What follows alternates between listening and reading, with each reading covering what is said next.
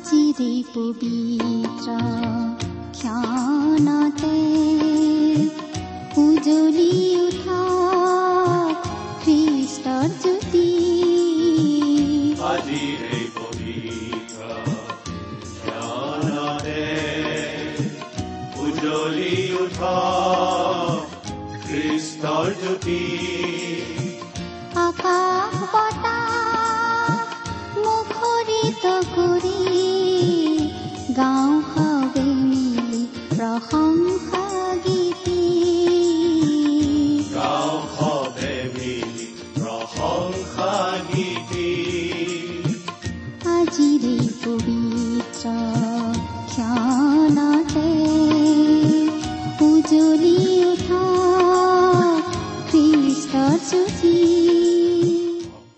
আমাৰ মহান ত্ৰাণকৰ্তা প্ৰভু যীশুখ্ৰীষ্টৰ নামত নমস্কাৰ প্ৰিয় শ্ৰোতা। এয়া মুকলি কৰিবলৈ লৈছো বাইবেল অধ্যয়নৰ ধাৰাবাহিক অসমীয়া অনুষ্ঠান ভক্তি বচন।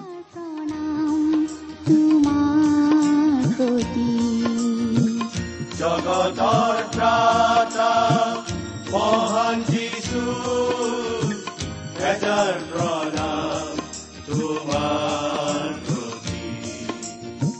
গ্ৰহণ কৰাই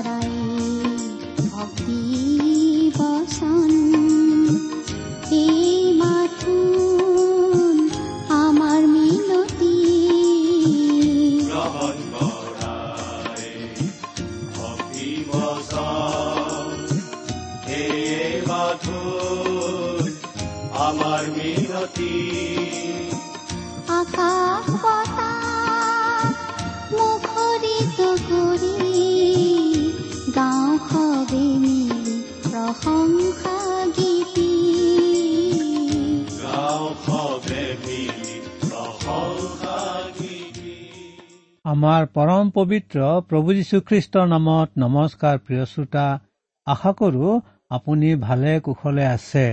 হয়নে বাৰু? আপুনি বাৰু আমাৰ এই ভক্তিবচন অনুষ্ঠানটো নিয়মিতভাৱে শুনি আছেনে? শুনি কিবা উপকাৰ পাইছেনে? আমালৈ চিঠি লিখি জনাবচোন। প্ৰভু যীশুৰ সম্বন্ধেও আন কিবা যদি আপুনি জানিব খোজে বা আপোনাৰ কিবা সুধিবলগীয়া থাকে তেতিয়াও আপুনি চিঠিৰে আমাক লিখি জনাব পাৰে। আহকচোন আজিৰ অনুষ্ঠানৰ আৰম্ভণিতে আমি আমাৰ পৰম পিতা পৰমেশ্বৰৰ ওচৰত নতশিৰে প্ৰাৰ্থনা জনাওঁ হওক তেওঁৰ আশীৰ্বাদ ভিক্ষা কৰি। আহক প্ৰাৰ্থনা কৰো। সৰগত থকা আমাৰ অসীম দয়ালু পিতা ঈশ্বৰ আপোনাৰ মহান নামৰ ধন্যবাদ হওক। আপুনি ঈশ্বৰ হৈও আমাৰ দৰে ক্ষুদ্ৰ নৰমনিশ্বক আৰু আমাৰ নিচিনা অপদাৰ্থ মানুহক আপুনি ইমানকে প্ৰেম কৰে সেই কথা ভাবিলে আচৰিত লাগে প্ৰভু। আপুনি আমাক ইমানেই প্ৰেম কৰিলে যে আমাক পৰিত্ৰাণ কৰিবলৈ আপোনাৰ একেজাত পুত্ৰ আমাৰ পৰিত্ৰাতা যীশুখ্ৰীষ্টক এই জগতলৈ পঠালে। তেওঁৰ যোগেদি আপুনি আমালৈ যি অনুগ্ৰহ দেখুৱাইছে তাৰ বাবে আপোনাক শত সহস্ৰবাৰ ধন্যবাদ জনাওঁ পিতা। এতিয়া আমি আপোনাৰ মহান বাক্য বাইবেল শাস্ত্ৰ অধ্যয়ন কৰিবলৈ লওঁতে আপুনি আমাক সহায় কৰক যাতে আমি আপোনাৰ বাক্য বুজি পাব পাৰো আৰু এই বাক্যৰ মাধ্যমেৰে আপোনাৰ মাত আমি শুনিবলৈ পাওঁ। এই অনুষ্ঠান শুনি থকা প্ৰতিগৰাকী শ্ৰোতাৰ আগতেই আপুনি নিজকে আপোনাৰ বাক্য প্ৰকাশ কৰক। কিয়নো এই প্ৰাৰ্থনা আমাৰ মহান ত্ৰাণকৰ্তা মৃত্যুঞ্জয়ী প্ৰভু যীশুখ্ৰীষ্টৰ নামত অৰ্পণ কৰিলো। আমেন।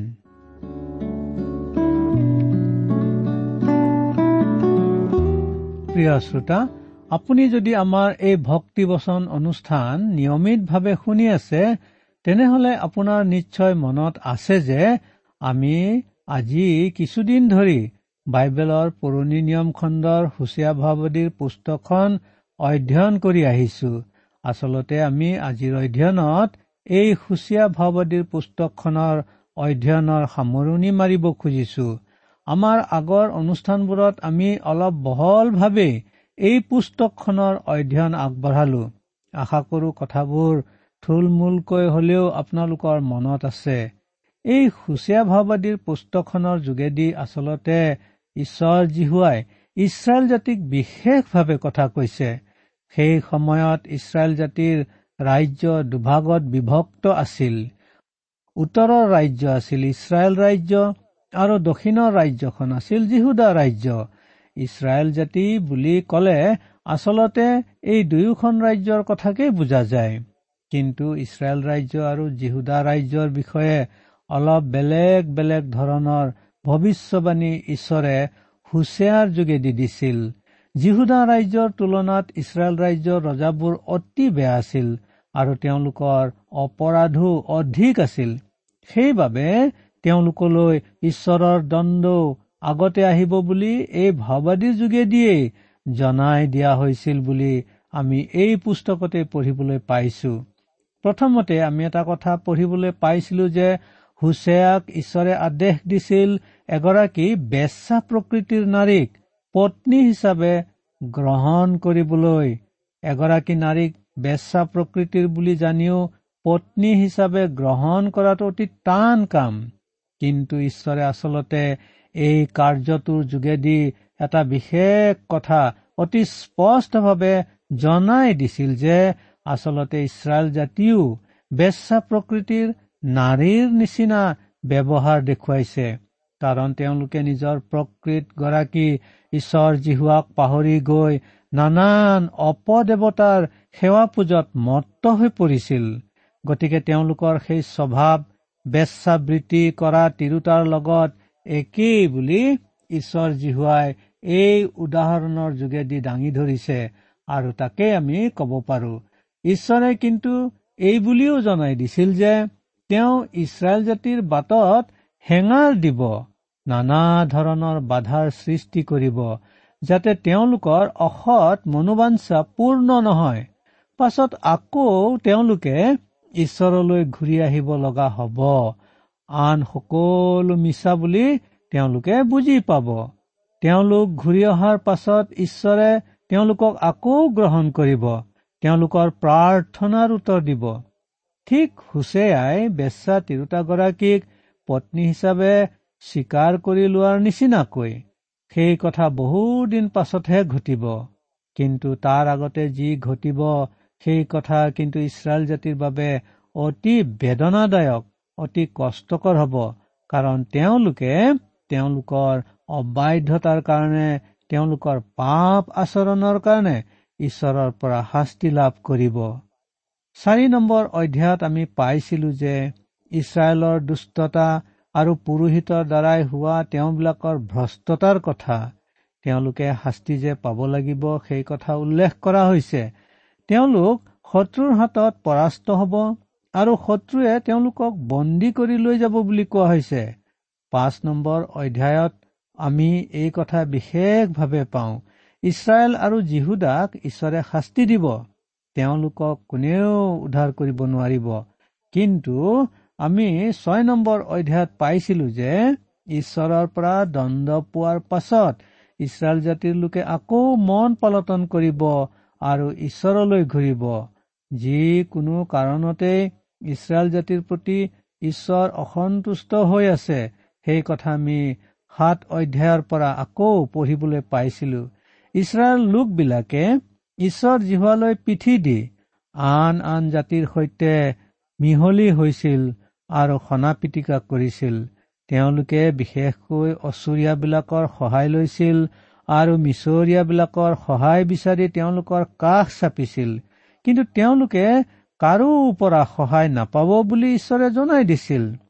ঈশ্বৰে তেওঁলোকক শাস্তি দিছিল। তেওঁলোকে ঈশ্বৰলৈ পিঠি দি আন আন অপদেৱতাবোৰৰ সেৱা পূজাত মত্ত হৈ পৰিছিল আৰু সেই কথা ঈশ্বৰে ভাল পোৱা নাছিল। ঈশ্বৰে তেওঁলোকক শাস্তিস্বৰূপে আন জাতিৰ হাতত বন্দী হবলৈ এৰি দিব। তেওঁলোকৰ দেশ উচ্ছন্ন হব বুলি কোৱা হৈছিল। দহ নম্বৰ অধ্যায়তো একেধৰণৰ কথাই পঢ়িবলৈ পাইছো। ইছৰাইল জাতিয়ে কৰা অপৰাধ আৰু পাবলগীয়া দণ্ডৰ কথা। কিন্তু এঘাৰ নম্বৰ অধ্যায়ত আমি এটা গুৰুত্বপূৰ্ণ কথা পঢ়িবলৈ পাইছিলো। ঈশ্বৰৰ প্ৰেমৰ কথা। ঈশ্বৰে জনাই দিছিল যে তেওঁ ইছৰাইল জাতিৰ লোকসকলক অপৰাধৰ শাস্তি দিব ঠিকেই কিন্তু তেওঁ তেওঁলোকক সম্পূৰ্ণৰূপে কেতিয়াও পৰিত্যাগ নকৰিব। তেওঁলোকক শত্ৰুৰ হাতত বন্দী হবলৈ এৰি দিলেও আকৌ তেওঁলোকক নিজৰ দেশলৈ উভতাই আনিব। বাৰ আৰু তেৰ অধ্যায়ত আমি আকৌ পঢ়িবলৈ পাইছিলো যে ইছৰাইল চল কপটতা আৰু নানা বিদ্ৰোষৰ কথাৰ ক্ষেত্ৰত আমি তেওঁলোকৰ কথা পঢ়িবলৈ পাইছিলো। আৰু তাৰ শাস্তি যে তেওঁলোকক ঈশ্বৰে দিব সেই কথাও আমি এই অধ্যায় দুটাত পাইছিলো। আজি আমি চৈধ্য অধ্যায়ৰ পৰা আলোচনা কৰিব খুজিছো। গোটেই অধ্যায়টো পঢ়ি আমি এই সুচীয়া পুস্তকৰ অধ্যয়নৰ সামৰণি মাৰিম। এই চৈধ্য অধ্যায়ৰ মূল বিষয় হৈছে ঈশ্বৰৰ মংগল অভিজ্ঞতা। কি সুন্দৰ কথা। বাইবেলৰ পৰা পাঠ কৰি দিব খুজিছো। আপোনাৰ লগত যদি বাইবেলখন আছে অনুগ্ৰহ কৰি চাই যাব। আৰু যদি বাইবেলখন নাই তেতিয়াহ'লে মন দি শুনি যাব। পাঠ কৰি দিছো। হুচেয়া চৈধ্য অধ্যায় এক পদৰ পৰা ন পদলৈকে ইয়াত মুঠেই নটা পদ আছে। শুনক পাঠ কৰিছো। হে ইছৰাইল তোমাৰ ঈশ্বৰ জিহুৱালৈ ঘূৰা। কিয়নো তুমি নিজ অপৰাধৰ দ্বাৰাই পতিত হলা। তোমালোকে বাক্যৰূপ উপহাৰ লগত লৈ জিহুৱালৈ ঘূৰা। তেওঁক এই কথা কোৱা তুমি আটাই অপৰাধ দূৰ কৰা। যি উত্তম তাক গ্ৰহণ কৰা তাতে আমি আমাৰ ওঠ ভতৰা স্বৰূপে উৎসৰ্গ কৰিম। অচুৰে আমাক উদ্ধাৰ নকৰিব। আমি ঘোঁৰাত নুঠিম বা তোমালোক আমাৰ ঈশ্বৰ এই বুলি আমাৰ হাতেৰে কৰা বস্তুক আৰু নকম কিয়নো তোমাতহে পিতৃহীনে দয়া পায়। মই তেওঁবিলাকৰ বিপথ গমন স্বৰূপ ৰোগ সুস্থ কৰিম। মই এনেই তেওঁবিলাকক প্ৰেম কৰিম কিয়নো মোৰ ক্ৰোধ তৰি পৰা ঘূৰিল। মই ইছৰাইললৈ নিয়ৰ স্বৰূপ হম। তেওঁ কণাৰী ফুলৰ নিচিনাকৈ ফুলিব আৰু লেবানুনৰ নিচিনাকৈ মূল ধৰিব। তেওঁৰ গজালিবোৰ বাঢ়ি যাব। জিত গছৰ নিচিনা তেওঁৰ শোভা আৰু লেবানুনৰ নিচিনা তেওঁৰ সুগন্ধ হব। তেওঁৰ ছাট বাস কৰাবিলাক পুনৰাই আহিব। শস্যৰ দৰে পুনৰ জীৱিত হব। দ্ৰাক্ষালতাৰ নিচিনাকৈ ফুলিব আৰু লিবানুনৰ দ্ৰাক্ষাৰসৰ নিচিনাকৈ তেওঁৰ সুখ্যাতি হব। ইফ্ৰইমে কব মূৰ্তিবোৰৰ লগত মোৰ আৰু সম্পৰ্ক কি? মই উত্তৰ দিলো আৰু তালৈ সুদৃষ্টি কৰিম। মই কেঁচাপতীয়া দেৱদাৰু গছৰ নিচিনা মোটেই তোমাৰ ফল পোৱা যায়। জ্ঞানবানে এইবোৰ কথা বুজিব বুদ্ধিমানে এইবোৰ কথা জানিব। কিয়নো জিহুৱাৰ সকলো পথ সৰল আৰু ধাৰ্মিকবিলাকে সেইবোৰত গমন কৰিব। কিন্তু অধাৰ্মিকবিলাকে সেইবোৰৰ মাজত উজতি খাই পৰিব। আপোনালোকে অধ্যায়টোৰ পাঠ শুনিলে। ঈশ্বৰে ইছৰাইল জাতিক এই সচেতন বাণী শুনাইছে আৰু অনুৰোধ কৰিছে যাতে তেওঁলোক তেওঁলৈ ঘূৰে। এই কথাটো আমি এক পদত পাওঁ। ইছৰাইলৰ লোকসকলক ঈশ্বৰে এই কথা সোঁৱৰাই দিছে যে তেওঁলোক পতিত হৈছে। কাৰণ তেওঁলোকে অপৰাধ কৰিলে তেওঁলোকে ঈশ্বৰক পিঠি দি ঈশ্বৰৰ পৰা পৃথক হৈ গ'ল। তেওঁলোকে তেওঁৰ সেৱা আৰাধনা নকৰি অপদেৱতাবিলাকক সেৱা উচ্চাৰণ কৰিবলৈ ধৰিলে। তেওঁলোকে ঈশ্বৰৰ প্ৰতি অবাধ্যতা দেখুৱাই অহা বাবেই তেওঁলোকক ঈশ্বৰে শাস্তি দিব বুলি জনাই দিছে। তেওঁলোক শত্ৰুৰ হাতত যুদ্ধত পৰাস্ত হব আৰু শত্ৰু বোলে তেওঁলোকক বন্দী কৰি লৈ যাব। এই কথা ঈশ্বৰে তেওঁলোকক আগতেই জনাই দিছিল। সেইবাবেই ইছৰাইলৰ লোকসকলক অনুৰোধ কৰা হৈছে তেওঁলোক যাতে ঈশ্বৰলৈ উভতি আহে। ঈশ্বৰক যাতে তেওঁলোকে আকৌ সন্মান প্ৰদৰ্শন কৰে। আচলতে বহু সময়ত আমি ভাবো যে ঈশ্বৰে আমাক পিঠি দিয়া বুলি কিন্তু আচলতে ঈশ্বৰে আমাক পিঠি নিদিয়ে। আমাৰ নিজৰ পাপ অপৰাধৰ বাবেহে আৰু আমাৰ আৰু ঈশ্বৰৰ মাজত বাধাৰ সৃষ্টি হয়। আমাৰ পাপ অপৰাধেই আমাক ঈশ্বৰৰ পৰা আঁতৰাই নিয়ে। আমি যদি ঈশ্বৰলৈ ঘূৰো আমাক গ্ৰহণ কৰিবলৈ ঈশ্বৰ অনবৰতে প্ৰস্তুত থাকে। প্ৰিয় শ্ৰোতা আমি এই কথা মনত ৰাখো হওক। আমি গাৰ বলেৰে ঈশ্বৰৰ পৰা পৃথক হৈ যাব নালাগে। কিন্তু যেতিয়াই আমি ঈশ্বৰৰ বিৰোধিতা কৰো আৰু ঈশ্বৰে যি ঘৃণা কৰে সেই পাপত লিপ্ত হওঁ তেতিয়া আমি নিজেই ঈশ্বৰৰ পৰা আঁতৰি যাওঁ আৰু তেওঁৰে সৈতে আমাৰ সহভাগিতা ভংগ হয়। দুই পদত আমি পাইছো ঈশ্বৰে কৈছে তোমালোকে বাধ্যৰূপ উপহাৰলৈ জিহুৱালৈ ঘূৰা। আমি আমাৰ বাক্যেৰে ঈশ্বৰৰ স্তুতি প্ৰশংসা কৰিব পাৰো যদিহে আমি ঈশ্বৰক প্ৰকৃততে সন্মান কৰো। আমি যদিহে বিভিন্ন পাপ অপৰাধৰ বাবে অনুতাপ কৰি মন পালটন কৰি ঈশ্বৰৰ কাষ চাপো আমি নিশ্চয় তেওঁৰ আগত প্ৰাৰ্থনা কৰি মুখ ফুটাই নহলেও অন্তৰেৰে তেওঁক আমাৰ কথা কব পাৰিম। তুমি আটাই অপৰাধ দূৰ কৰা বুলি আমাৰ সকলো অপৰাধ দূৰ কৰিব পাৰে ঈশ্বৰে তাকে আমাক জনাইছে। আমি নিজৰ চেষ্টাৰে নিজক কেতিয়াও সূচী কৰিব নোৱাৰো। সেই ক্ষমতা আমাৰ নাই আগতে আমাৰ নাছিল এতিয়া নাই আৰু ভৱিষ্যতেও আমাৰ সেই ক্ষমতা নহব। সেই সামৰ্থ্য আমাৰ নাই। কিন্তু আমাৰ সকলো অপৰাধ ঈশ্বৰে আঁতৰ কৰিব পাৰে। আঁতৰ কৰাৰ ক্ষমতা তেওঁৰ হাততহে আছে। সেই কথা আমি মন ভাল লগাবলৈ সাজি কোৱা কথা নহয়। ঈশ্বৰে স্বয়ং কোৱা কথা। আমাৰ সকলো পাপ সকলো অপৰাধ ঈশ্বৰে দূৰ কৰিব পাৰে। কেনেকৈ জানেনে প্ৰিয় শ্ৰোতা? প্ৰভু যীশুৱে সমগ্ৰ মানৱ জাতিৰ সমগ্ৰ পাপৰ শাস্তি নিজৰ গাত ললে আৰু পাপৰ শাস্তি যি মৃত্যু সেই মৃত্যু আমাৰ সকলোৰে হৈ তেওঁ বহন কৰিলে কালবাৰীৰ সেই নিষ্ঠুৰ দুডালি কাঠত। তেওঁ ক্ৰছত তেওঁৰ অমূল্য তেজ বোৱালে। বাইবেলত লিখিছে তেজ উলিওৱা নহলে পাপ মোচন নহয়। প্ৰভু যীশুৱে ক্ৰছত যি তেজ বোৱালে সেই তেজে মানৱৰ পাপ ধুই নিকা কৰি দিয়ে।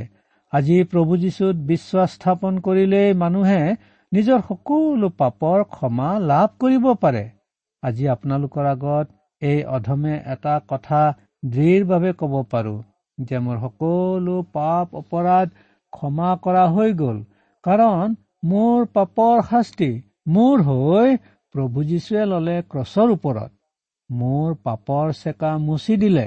প্ৰভু যীশুৰ অমূল্য তেজে প্ৰিয় শ্ৰোতা আপুনি যদি প্ৰভু যীশুক আপোনাৰ প্ৰভু আৰু ত্ৰাণকৰ্তা বুলি গ্ৰহণ কৰিছে তেনেহলে আপুনিও এনেদৰে কব পাৰে ইছৰাইলৰ লোকসকলকো কোৱা হৈছে। তেওঁলোকে যাতে অনুতাপ কৰি মন পালটন কৰি ক্ষমা বিচাৰি ঈশ্বৰলৈ উভতি আহে। তেওঁলোকেও ঈশ্বৰৰ পৰা সেই ক্ষমা নিশ্চয় লাভ কৰিব আৰু অপৰাধবোৰো তেওঁলোকৰ পৰা ঈশ্বৰে নিশ্চয় দূৰ কৰিব। তিনি পদত কোৱা হৈছে ইমান দিনে ইছৰাইলৰ লোকসকলে জাগতিক শক্তিত ভৰসা কৰি আহিছিল। অচৰীয়া লোকবিলাকেই তেওঁলোকক উদ্ধাৰ কৰিব পাৰিব বুলি তেওঁলোকে ভাবিছিল। কিন্তু তেওঁলোকক কোনেও ৰক্ষা কৰিব নোৱাৰে বুলি ঈশ্বৰে জনাই দিছিল।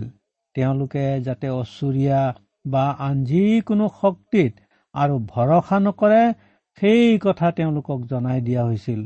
সেই কথা তেওঁলোকক জনাই দিয়াৰ পিছতো কিন্তু তেওঁলোকে তালৈ কাণ সাৰ কৰা নাছিল। আমি ঘোঁৰাত নুঠিম বা তোমালোক আমাৰ ঈশ্বৰ এই বুলি আমাৰ হাতেৰে কৰা বস্তুক আৰু নকম। নিজৰ হাতেৰে তৈয়াৰ কৰা বস্তুক বাৰু আমি ঈশ্বৰ বুলি মানিব পাৰোনে? কিন্তু বহু সময়ত আমি তেনেকুৱাই নকৰো জানো। আমি নিজৰ হাতৰ সৃষ্টিকেই ঈশ্বৰৰ স্থান দি উপাসনা নকৰোনে? আমি হয়তো কথাটো ভালদৰে ভাবি চোৱা নাই কিন্তু আমি অলপ চিন্তা কৰি চালেই বুজি পাম। আমিও প্ৰায়ে তেনেকুৱা কৰো। বহুতো মানুহে নিজৰ শক্তি সামৰ্থক লৈ ইমান মচগুল যে তাকেই ঈশ্বৰৰ স্থান দি তাকেই উপাসনা কৰে। কোনো মানুহে নিজৰ প্ৰচণ্ড মেধা শক্তি নিজৰ বুদ্ধি সত্তা আদিক লৈ গৌৰৱবোধ কৰে আৰু তাকেই ঈশ্বৰৰ স্থান দিয়ে। তেনে মানুহে নিজৰ কাৰ্যকেই আৰাধনা কৰে বা তেওঁলোকে কি কৰিব পাৰে তাকেই উপাসনা কৰে। প্ৰিয় শ্ৰোতা আমিও নিজকে সুধি চোৱা উচিত আমি বাৰু কিহবাক ঈশ্বৰৰ স্থানত বহুৱাইছো নেকি? যদিহে বহুৱাইছো তেন্তে আমি অনুতাপ কৰি ঈশ্বৰৰ পৰা ক্ষমা ভিক্ষা কৰা উচিত কাৰণ এই ক্ষেত্ৰত আমি নিজেও নিজকে ইছৰাইলৰ অপৰাধতেই অপৰাধী হিচাপে দেখিম। তেওঁলোকে যিবোৰ মূৰ্তি পূজা কৰিছিল যিবোৰ তেওঁলোকে অপদেৱতাৰ পিছত মত্ত আছিল আমি সেইবিলাকৰ পিছত নাযাব পাৰোঁ সেইবিলাকৰ পূজা আমি নকৰিব পাৰোঁ। কিন্তু আমাৰ নিজৰ ক্ষমতা আমাৰ নিজৰ অৰ্হতা নিজৰ যি পাৰ্গতালী বা সেইদৰে আমাৰ টকা পইচা আমাৰ শিক্ষা দীক্ষা গুণ গৰিমা সেইবোৰেই ঈশ্বৰৰ স্থানত থাকিব পাৰে। সেইবোৰকে আমি ঈশ্বৰৰ স্থান দিব পাৰোঁ। আৰু সেইটোৱে যদি হয় আমি ইছৰাইলতকৈ কোনো গুণে উত্তম হ'ব নোৱাৰো। এতিয়া চাৰি পদটো চাওঁ হওক মই তেওঁলোকৰ বিপদ গমনস্বৰূপ ৰোগ সুস্থ কৰিম। ঈশ্বৰে কৈছে মানুহবোৰে বিপথে গৈ আছে। মোৰ পৰা আঁতৰি গৈ আছে কিন্তু মই তেওঁলোকক সুস্থ কৰিম। মোৰ পৰা তেওঁলোকক আঁতৰি যাবলৈ নিদিম। মই তেওঁলোকক উপচি পৰাকৈ প্ৰেম কৰিম কাৰণ তেওঁলোকৰ প্ৰতি মোৰ খং আৰু নাথাকে। মই তেওঁলোকক ভাল পাওঁ। মই তেওঁলোকক মোৰ কাষত বিচাৰো। দেখিলে প্ৰিয় শ্ৰোতা ঈশ্বৰৰ মানুহৰ প্ৰতি যি গভীৰ প্ৰেম তথাপি মানুহে ঈশ্বৰৰ সেই গভীৰ প্ৰেমৰ কথা নুবুজে কি পৰিতাপৰ কথা? পাঁচ পদৰ পৰা সাত পদত এয়া ইছৰাইল জাতিৰ ভৱিষ্যতৰ আশা। তেওঁলোক নিজৰ দেশৰ পৰা উচ্ছেদ হৈ নিজৰ দেশৰ বাহিৰত বন্দী হৈ নানা ধৰণৰ দুখ কষ্ট সহ্য কৰিব লগা হৈছিল। তেওঁলোকৰ সেই দুখ দুৰ্গতি আচলতে ঈশ্বৰে পঠিওৱা শাস্তিস্বৰূপ আছিল কাৰণ তেওঁলোক ঈশ্বৰৰ প্ৰতি অবাধ্য হৈছিল তেওঁৰ পৰা আঁতৰি গৈছিল তেওঁক আঘাত দিছিল। কিন্তু সেই দুখৰ দিনৰ অন্ত পৰিব বুলি ঈশ্বৰে তেওঁলোকক জনাই দিছিল। তেওঁলোক আকৌ ঈশ্বৰলৈ ঘূৰিব সেই কথা তেওঁলোকক জনাইছিল। এতিয়া আঠ পদত আমি পাওঁ বাইবেলৰ এটা মনোমোহা পদ। ইফ্ৰইমে কব এইটো এটা বিজয় গান। গোটেই কথাখিনি ভৱিষ্যতে ঘটিব বুলি কোৱা হৈছে। অৱশেষত ঈশ্বৰৰ জয় হব। ইয়াত প্ৰেমেই জয়যুক্ত হব। ঈশ্বৰে ইফ্ৰহিমক কৈছে হে ইফ্ৰহিম তোমাকনো মই কেনেকৈ ত্যাগ কৰিব পাৰো? কিন্তু ঈশ্বৰে এইবুলি আগতে কৈছিল ইফ্ৰহিমে পাপ কৰিলে সি শাস্তি পাব। কিন্তু এতিয়া ঈশ্বৰে কৈছে যে এনে এটা দিন আহি আছে যিটো দিনত ইফ্ৰহিমে নিজে কৰি অহা সকলো ভুলৰ কথা বুজি পাব আৰু অনুতাপ কৰি ঈশ্বৰলৈ উভতি আহিব। ইফ্ৰহিমে আৰু অপদেৱতাবোৰৰ সেৱা পূজা নকৰিব। এনে এটা দিন আহিব বুলি ঈশ্বৰে ইয়াত জনাই দিছে। ন নম্বৰ পদটো পঢ়িলেও আমি তেনেকুৱা কথাই পাওঁ। ঈশ্বৰে ইছৰাইলক পৰিত্যাগ কৰা নাই এৰি দিয়া নাই। ঈশ্বৰৰ আঁচনিত ইছৰাইল এতিয়াও আছে। এনেদিন আহিব যে ইছৰাইলৰ লোকসকল আকৌ ঈশ্বৰলৈ ঘূৰিব। সেইদিন কেতিয়া আহে সঠিক চন তাৰিখ আমি নাজানো। কিন্তু প্ৰভু যীশুৱে এই পৃথিৱীলৈ আকৌ যে আহিব তেওঁৰ ন্যায় শাসন প্ৰতিষ্ঠা কৰিব সেই কথা হলে আমি সকলোৱে ভালদৰে জানো। আৰু তেওঁৰ সেই আগমনৰ আগে আগে ইছৰাইলৰ লোকসকলৰ মাজত এনে এটা বিশেষ আত্মিক জাগৰণ আহিব। তেওঁলোকে প্ৰভু যীশুকেই মচিহ বুলি চিনি পাই তেওঁক গ্ৰহণ কৰিব। সেই দিনলৈ কিমান দিন বাকী আছে? আমি নাজানিব পাৰো কিন্তু আমি প্ৰভু যীশুৰ সেই দ্বিতীয় আগমনৰ দিনলৈ নিজকে সাজু কৰি ৰাখিব পাৰো। প্ৰভু যীশুৰ বিশ্বাসকাৰী হিচাপে তেওঁৰ বাধ্য হৈ তেওঁৰ দৃষ্টিত গ্ৰহণীয় জীৱন ধাৰণ কৰিব পাৰো। সুচীয়া ভাওবাদী পুস্তকৰ অধ্যয়নৰ ইমানতে আমি আজি সামৰণি মাৰিছো কিন্তু আমাৰ পৰৱৰ্তী অনুষ্ঠানত আমি আন এখন পুস্তকৰ অধ্যয়ন আৰম্ভ কৰিম। আজিলৈ সামৰিছো। নমস্কাৰ।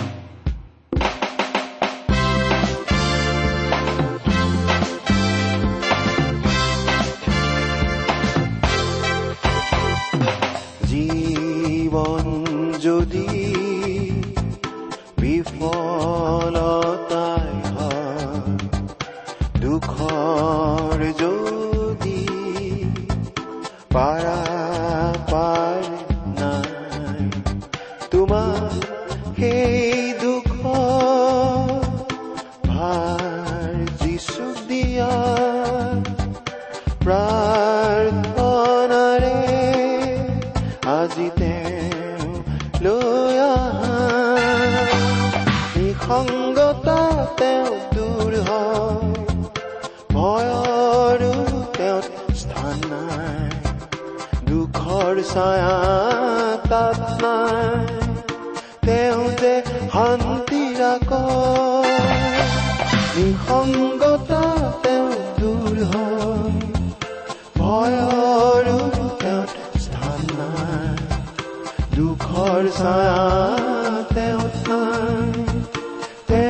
তেওঁ যে শান্তি ৰাক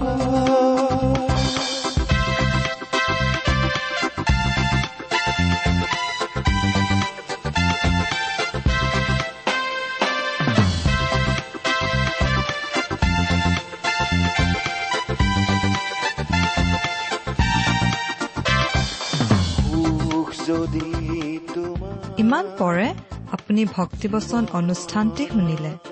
অনুষ্ঠানটি শুনি কেনে পালে? আমালৈ চিঠি লিখি জনাবচোন। অনুষ্ঠানত প্ৰচাৰ কৰা কোনো কথা বুজিব লগা থাকিলেও আমালৈ লিখক। আমাৰ ঠিকনা ভক্তিবচন টি ডাব্লিউ আৰ ইণ্ডিয়া ডাক পাকচ নম্বৰ সাত শূন্য গুৱাহাটী সাত আঠ এক শূন্য শূন্য এক।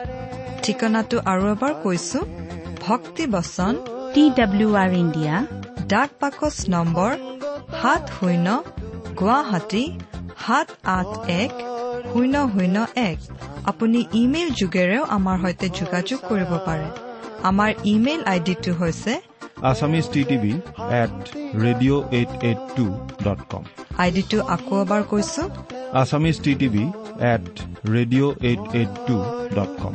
আপুনি টেলিফোনৰ মাধ্যমেৰেও আমাক যোগাযোগ কৰিব পাৰে আমাৰ টেলিফোন নম্বৰটো হৈছে শূন্য তিনি ছয় এক দুই ছয় শূন্য চাৰি ছয় সাত এক। ফোন নম্বৰটো আকৌ এবাৰ কৈছো zero' three six one two six zero' four six seven one. আজিৰ অনুষ্ঠানটি ইমানতে সামৰিছো। ঈশ্বৰৰ শান্তি আৰু অনুগ্ৰহ আপোনাৰ লগত থাকক। ধন্যবাদ।